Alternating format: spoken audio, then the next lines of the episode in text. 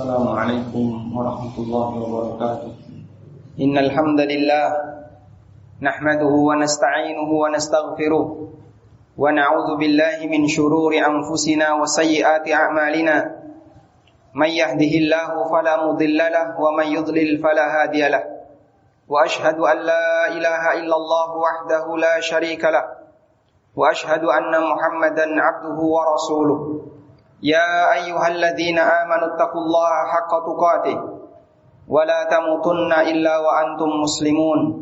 يا أيها الناس اتقوا ربكم الذي خلقكم من نفس واحدة وخلق منها زوجها وبث منهما رجالا كثيرا ونساء واتقوا الله الذي تساءلون به والأرحام.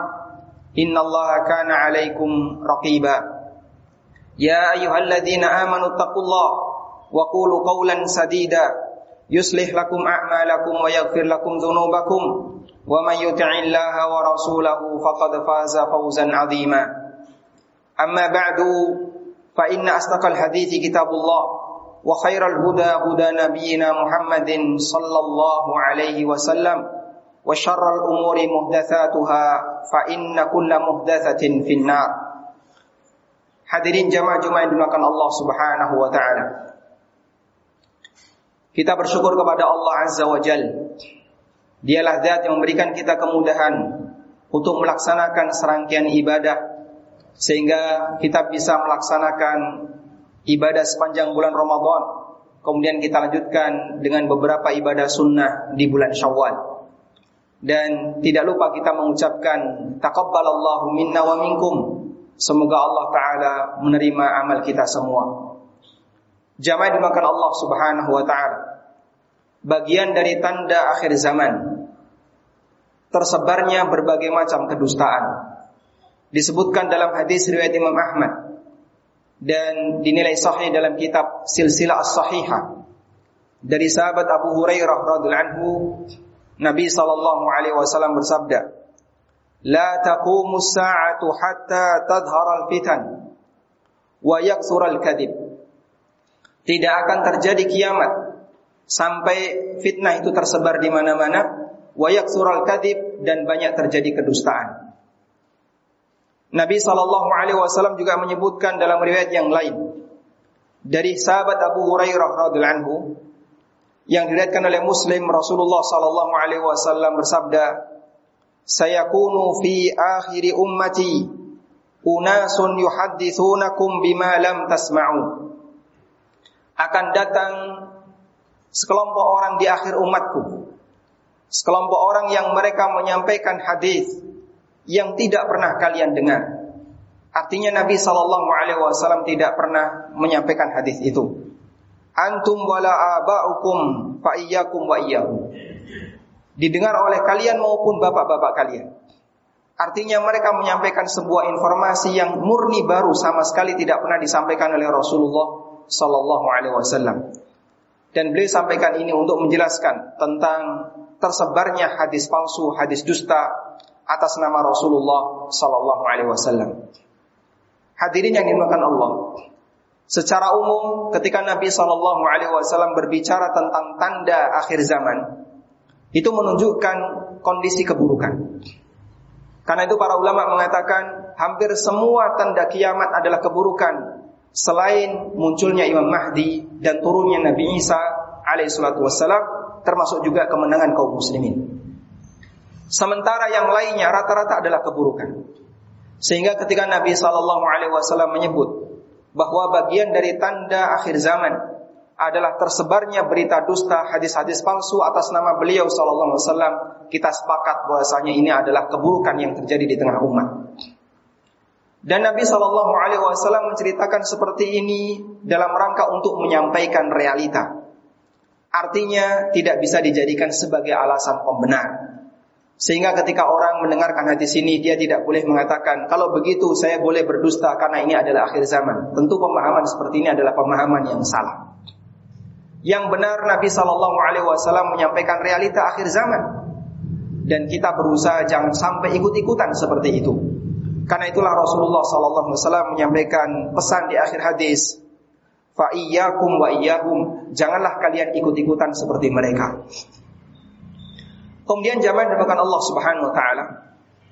Kedustaan yang paling puncak adalah kedustaan atas nama Rasulullah sallallahu alaihi wasallam. Bentuknya adalah membuat hadis palsu. Rasulullah sallallahu alaihi wasallam pernah bersabda dalam hadis dari sahabat Al-Mughirah bin Syu'bah. Nabi SAW mengatakan, Inna kadhiban alayya laisa kakadhibatin ala ahad. Berdusta atas namaku statusnya tidak sebagaimana berdusta atas nama manusia biasa. Faman kadzaba alayya muta'ammidan falyatabawwa maq'adahu minan. Siapa yang berdusta atas namaku dengan sengaja, maka siapkan tempatnya di neraka. Hadis riwayat Bukhari. Sehingga Rasulullah Shallallahu Alaihi Wasallam memberikan ancaman yang sangat keras bagi orang yang berdusta atas nama Nabi Shallallahu Alaihi Wasallam. Jamaah dimakan Allah Subhanahu Wa Taala. Nabi Shallallahu Alaihi Wasallam juga melarang kita untuk menyebarkan hadis yang itu merupakan hadis dusta, hadis doaif yang tidak pernah beliau sabdakan atau hadis palsu yang tidak pernah beliau ucapkan. Maka terlarang bagi kita untuk menyebarkannya. Disebutkan dalam hadis riwayat Muslim dalam muqaddimah Rasulullah sallallahu alaihi wasallam bersabda, "Man haddatsa anni bi haditsin yura annahu kadhibun fa huwa ahadul kadibain."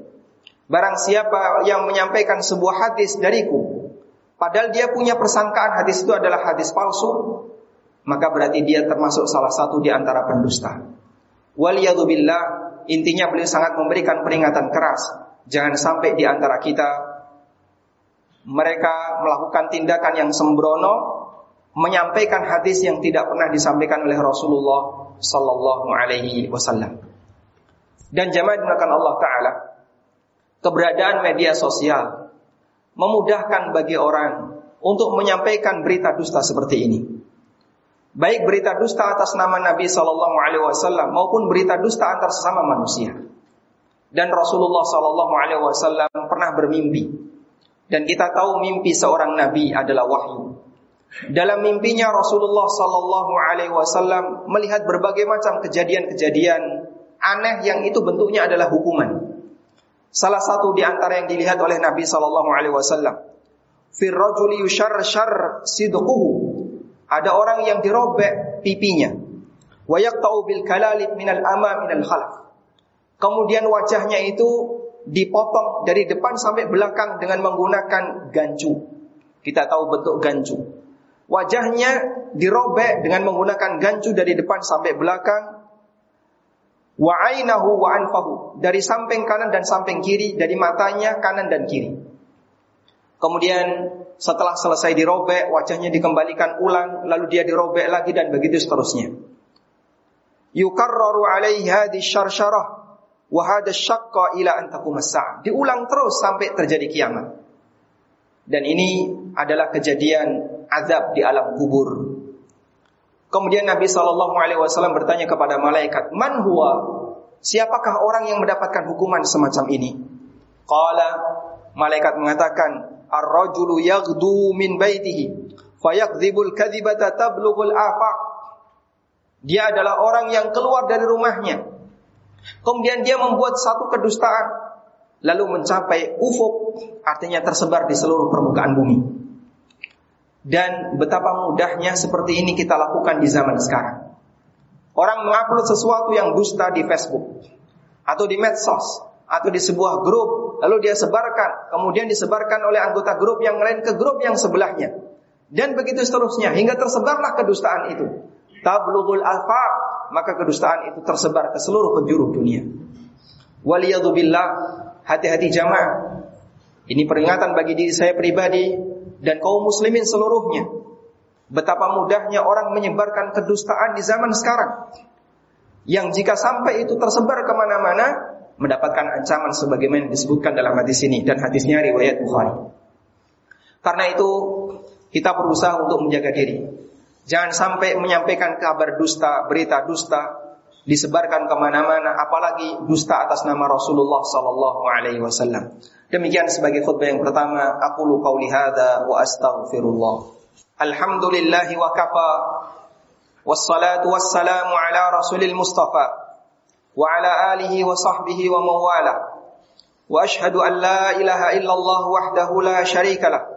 Wa ashadu anna muhammadan abduhu wa rasuluh. Jamaah yang dimulakan Allah Ta'ala Salah satu di antara karakter masyarakat Yang banyak berdusta Adalah Diwarnai dengan banyaknya Uang sogok Suap tips, dan aneka uang haram yang lainnya. Allah Subhanahu wa taala ceritakan dalam Al-Qur'an pengalaman yang dialami oleh kelompok di masa silam yang dilaknat oleh Allah yaitu orang Yahudi. Allah menyebutkan di surat Al-Maidah ayat 42. Karakter Yahudi, samma'una lil kadhibi, akaluna lis-suh. Mereka itu senang mendengarkan kedustaan dan suka menerima dan makan uang sokok. Dan Anda bisa saksikan betapa sesuainya apa yang Allah sampaikan ini dengan realita yang ada di tengah masyarakat. Yang namanya sogo itu nggak mungkin tidak diiringi dengan kedustaan. Yang namanya uang haram di instansi mana pun nggak mungkin tidak diiringi dengan kedustaan. Nggak mungkin. Ada nota kosong, ada perjalanan dinas palsu, ada kemudian anggaran palsu, ada A, B, C, yang itu semuanya adalah uang haram disebar di berbagai macam instansi dan pasti akan diiringi dengan kedustaan. Sama'una lil kadhibi akaluna lisuh. Mereka suka mendengarkan kedustaan dan dusta itu menjadi konsumsi biasa. Sudah nggak malu lagi untuk disampaikan. Laporan palsu yang tanda tangan tahu, yang stempel tahu, yang menerima juga tahu, semuanya tahu, satu kantor tahu. Siapa yang nggak mau menerima, maka dia akan dimutasi. Sama'una lil kadhib, akaluna lisul. Kenapa? Agar nanti mereka bisa bagi-bagi duit. Sampai ada satu anggota dalam sebuah instansi tersebut, ada satu karyawan di instansi yang dia nggak mau menerima seperti ini. Apa nasibnya? Pasti dia akan dimutasi. Bahkan jamaah yang dimakan Allah Subhanahu wa taala. Dalam instansi pendidikan yang kita anggap itu adalah standar idealisme di tengah masyarakat kita terkadang meleset di bagian ini. Beberapa kawan dia seorang vendor yang menang dalam kontrak. Ketika pemerintah mau melakukan uji materi, ini sebuah konkret. Ada misalnya apa? Uh, beton yang harus diuji di kampus A, kampus B. Ditawarkan di awal, Bapak mau hasil A, B, C. Ada pilihan hasil sebelum diuji. Tapi jelas tentu ada bayarannya. Subhanallah, ini dunia kampus. Kalau yang sudah dipercaya saja seperti ini kondisinya, berbagai macam sogok terjadi di mana-mana, maka bagaimana mungkin kita bisa memperbaiki masyarakat ini? Maka betul apa kata Allah Subhanahu wa taala, "Samma'una lil kadhibi akaluna lisuh." Di tengah masyarakat yang mereka senang mendengarkan kedustaan, di saat yang sama mereka senang dengan sogokan. Dan itu realita yang ada di negara kita barangkali. Karena itu jamaah yang Allah Subhanahu wa taala.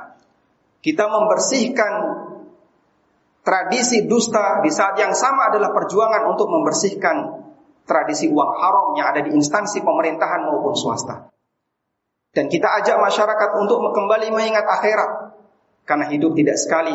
Bisa jadi ada seorang pejabat yang dia aman sampai mati. Gak ada yang berani menangkapnya. Tapi ingat, kehidupan tidak sekali. Akan ada pengadilan di mana Allah Subhanahu wa taala menjadi saksi dan dia zat yang maha adil. Kita mohon kepada Allah Subhanahu wa taala. Semoga Allah taala melindungi kita dari tradisi buruk semacam ini dan Allah Subhanahu wa taala memperbaiki masyarakat kita. اللهم صل على محمد وعلى آل محمد كما صليت على إبراهيم وعلى آل إبراهيم إنك حميد مجيد اللهم اغفر للمؤمنين والمؤمنات والمسلمين والمسلمات الأحياء منهم والأموات إنك سميع قريب مجيب دعوات يا قاضي الحاجات ربنا اغفر لنا ولإخواننا الذين سبقونا بالإيمان ولا تجعل في قلوبنا غلا للذين آمنوا ربنا إنك رؤوف رحيم. ربنا آتنا في الدنيا حسنة وفي الآخرة حسنة وقنا عذاب النار. وصلى الله على نبينا محمد وعلى آله وصحبه وسلم. وآخر دعوانا أن الحمد لله رب العالمين. وقوموا إلى صلاتكم.